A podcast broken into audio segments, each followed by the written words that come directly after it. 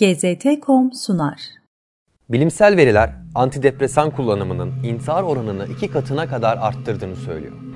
Peki size bir soru soracağım. Siz hiç bir intiharın ardından kullandığı antidepresan sebebiyle intihar etti haberine rastladınız mı? Time dergisinde çıkan bir habere göre Amerika Birleşik Devletleri'nde 2017 yılına kadar geçen 15 yılda antidepresan kullanımı %65 arttı. Hastalık takip merkezi verilerine göre ise aynı süre içinde intihar yoluyla ölüm %30'dan fazla arttı. Bu artışla ilgili medya birçok farklı teori ortaya attı. İnternet bağımlılığından Trump başkanlığına hatta iklim değişikliğine kadar her şey suçlandı. Tek bir şey dışında antidepresan kullanımı. Bilimsel verilere göre antidepresan kullanımı intihar oranını iki katına kadar arttırıyor. Ancak medyaya göre hiç kimse antidepresan yüzünden intihar etmiyor. Peki bu nasıl oluyor? US Today'de yer alan bir habere göre farmasötik sektörün yani ilaç sektörünün 2016 yılında sadece Amerika Birleşik Devletleri'nde reklam sektörüne yaptığı yatırım 6 milyar dolar. Yani size bunu niye yaptıklarının 6 milyar sebebini sayabilirim. Ancak medya ile büyük ilaç endüstrisi arasındaki finansal bağ zaten bir sır değil. Propagandanın bu bölümünde çok daha tehlikeli bir finansal bağı, büyük ilaç endüstrisinin bilimi nasıl esir aldığını anlatacağım. Büyük ilaç endüstrisinin bilim dünyası, özellikle de üniversiteler üzerindeki etkinliği, devasa entegre programlar ve bilim merkezlerinin hayata geçmesiyle patlama yaptı. Harvard'daki GlaxoSmithKline, Washington Üniversitesi'ndeki AstraZeneca ve Kaliforniya Üniversitesi'ndeki Pfizer en göze batan örneklerden bazıları. Ancak bu örnekler büyük ilaç endüstrisiyle üniversitelerin ortaklığında buzdağının görünen kısmı bile değil. British Medical Journal'da yer alan bir rapora göre Amerika Birleşik Devletleri'ndeki biyomedikal araştırma ve geliştirme projelerinin %60'ı özel şirketler tarafından finanse ediliyor ve akademik kurumların üçte ikisinin dış sponsorluklarla bağı var. Başka bir deyişle üniversitelerde yürütülen medikal araştırmaların yarısından fazlası büyük ilaç endüstrisi tarafından finanse ediliyor. Washington Post'ta çıkan bir yazı bu kadar ağır kurumsal finansmanın neden kötü bir fikir olduğunu açıklıyor. İlaç şirketlerinin bu tür deneylere yatırdığı milyarlar dünyanın tedavi arayışını finanse etmekte yardımcı oluyor. Ancak amaçları sadece halk sağlığı değil. Bu para aynı zamanda yüksek kar arayışının da bir parçası ve son 10 yılda defalarca potansiyel olarak ölümcül sonuçlar doğurdu.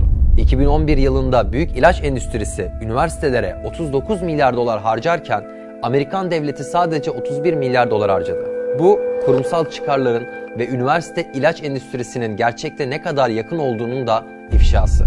Bunun tehlikeli bir kültür yarattığını görmek için fazla uzağa gitmeye gerek yok. Pek çok akademisyen şirketler tarafından verilen ödeneklerle hayatta kalıyor. Bu durum bilim adamlarının, araştırmacıların ve akademisyenlerin en gürültülü şekilde şirket savunucuları olmasının bir nedeni. Aynı zamanda Amerikan üniversitelerinin neden dünyadaki en hasta ulusta endüstri biliminin doğrulayıcısı haline geldiğine şaşmamak gerek. Sizi bir örneğe, üstelik de çok yakın tarihten bir örneğe götüreyim. Covid-19'u tedavi etmek için sıtma ilacı olan hidroksiklorokin kullanımı ile ilgili ortaya çıkan skandala. Öncelikle ilaç hakkında kısa bir bilgi vereyim. Bu ilaç kinin klorokin olarak da biliniyor ve Dünya Sağlık Örgütü'nün temel ilaçlar listesinde yer alıyor. Güney Amerika'da yetişen bir ağacın kabuğundan üretilen ilaç 400 yıldır sıtmayı tedavi etmek için kullanılıyor. Bilinen yan etkilerine göre nadir durumlarda baş dönmesi ve düzensiz kalp atışına neden olabiliyor.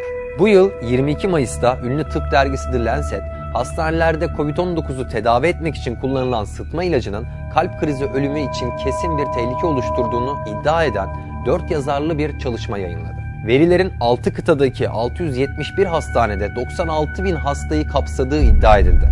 Ardından medya nefes kesici manşetlerle bu ilacın ani kalp krizine sebep olduğunu haberleştirmeye başladı ve kısa sürede her yer bu haberlerle doldu. Ancak tabii ki hiçbir manşet bu ilacın 1977'den beri Dünya Sağlık Örgütü'nün temel ilaçlar listesinde olduğundan bahsetmedi. Aynı haberler alternatif olarak Glade adlı şirketin ürettiği Remdesivir adlı ilacı önermeye başladı. Dünya Sağlık Örgütü bu gelişmeye hızlı şekilde tepki verdi. Tüm dünyadaki klinik denemeler askıya alındı. Ancak ortada bir sorun vardı. Bu ilaç madem bu kadar tehlikeli, nasıl oluyor da 1977'den beri Dünya Sağlık Örgütü'nün temel ilaçlar listesindeydi? Nasıl oldu da bugüne kadar bu yan etki keşfedilmedi?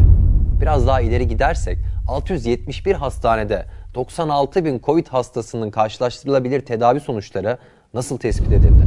Üstelik de bu kadar kısa sürede. Bu soruları sadece biz değil, bilim çevreleri de sordu. 28 Mayıs'ta 200 bilim adamı araştırmanın yazarlarına ve The Lancet'e açık bir mektup yazdı.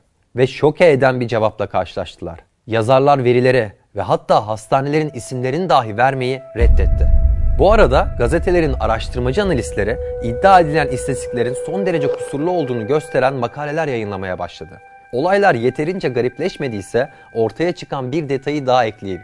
Yayınlanan bilimsel makalenin baş yazarlarının haberlerde tavsiye edilen rakip ilaç Remdesivir ile çıkar ilişkisi içinde olduğu ortaya çıktı. Doktor Memdep Mehra, Brahim and Women's Hastanesi'nde yönetici. Bu hastane ise Remdesivir'i üreten Glay şirketi ile stratejik ortak ve söz konusu araştırma yayınlandığı sırada Remdesivir'i test eden iki deney yürütülüyor. Ve nihayet 5 Haziran'da yazarlar medyaya hiçbir açıklama yapmadan makaleyi geri çekti. Bir medikal sahtekarlık hikayesi son buldu ama akıllarda hala bir soru işareti vardı. Bu sahtekarlık The Lancet dergisindeki hakemleri nasıl geçti?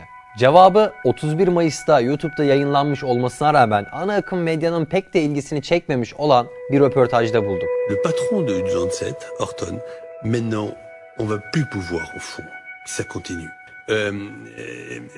publier des données de recherche clinique parce que les laboratoires pharmaceutiques, aujourd'hui, sont tellement forts financièrement et arrivent à avoir de telles méthodologies pour nous faire accepter des papiers apparemment méthodologiquement sont parfaits, mais qui au fond font dire ce qu'ils veulent à cela. C'est très très grave. Mais ce que vous nous dites est très grave. Ça voudrait Ah dire oui. que ce sont les laboratoires pharmaceutiques Oui. qui mettent Oui. la pression, une Oui, pression y oui, compris oui. financière, j'imagine, sur les résultats scientifiques. Oui, mais, euh, mais- euh, Bu röportaj İngilizceye de çevrildi ancak İngilizce yayın yapan medya bu açıklamayla ilgilenmedi.